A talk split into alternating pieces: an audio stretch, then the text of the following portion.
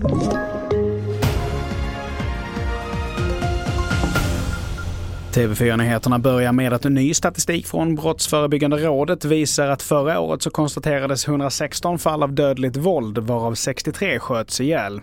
Det är en kraftig ökning av skjutvapensvåldet men samtidigt så minskade övrigt dödligt våld och särskilt i närstående parrelationer. De siffrorna ska man dock ta med försiktighet då resultaten brukar variera från år till år. Det skriver Brå i ett pressmeddelande idag.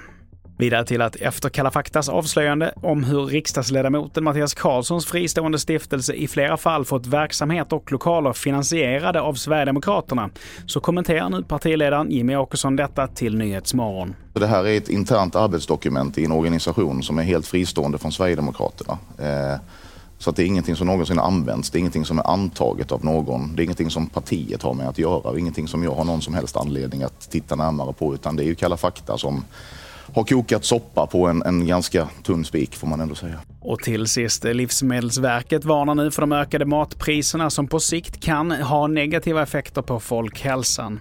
Redan nu så svarar fyra av tio, oavsett inkomstnivå, att de väljer bort färska grönsaker.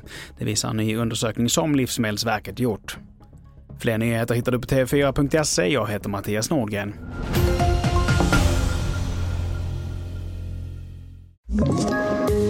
Poddtips från Podplay.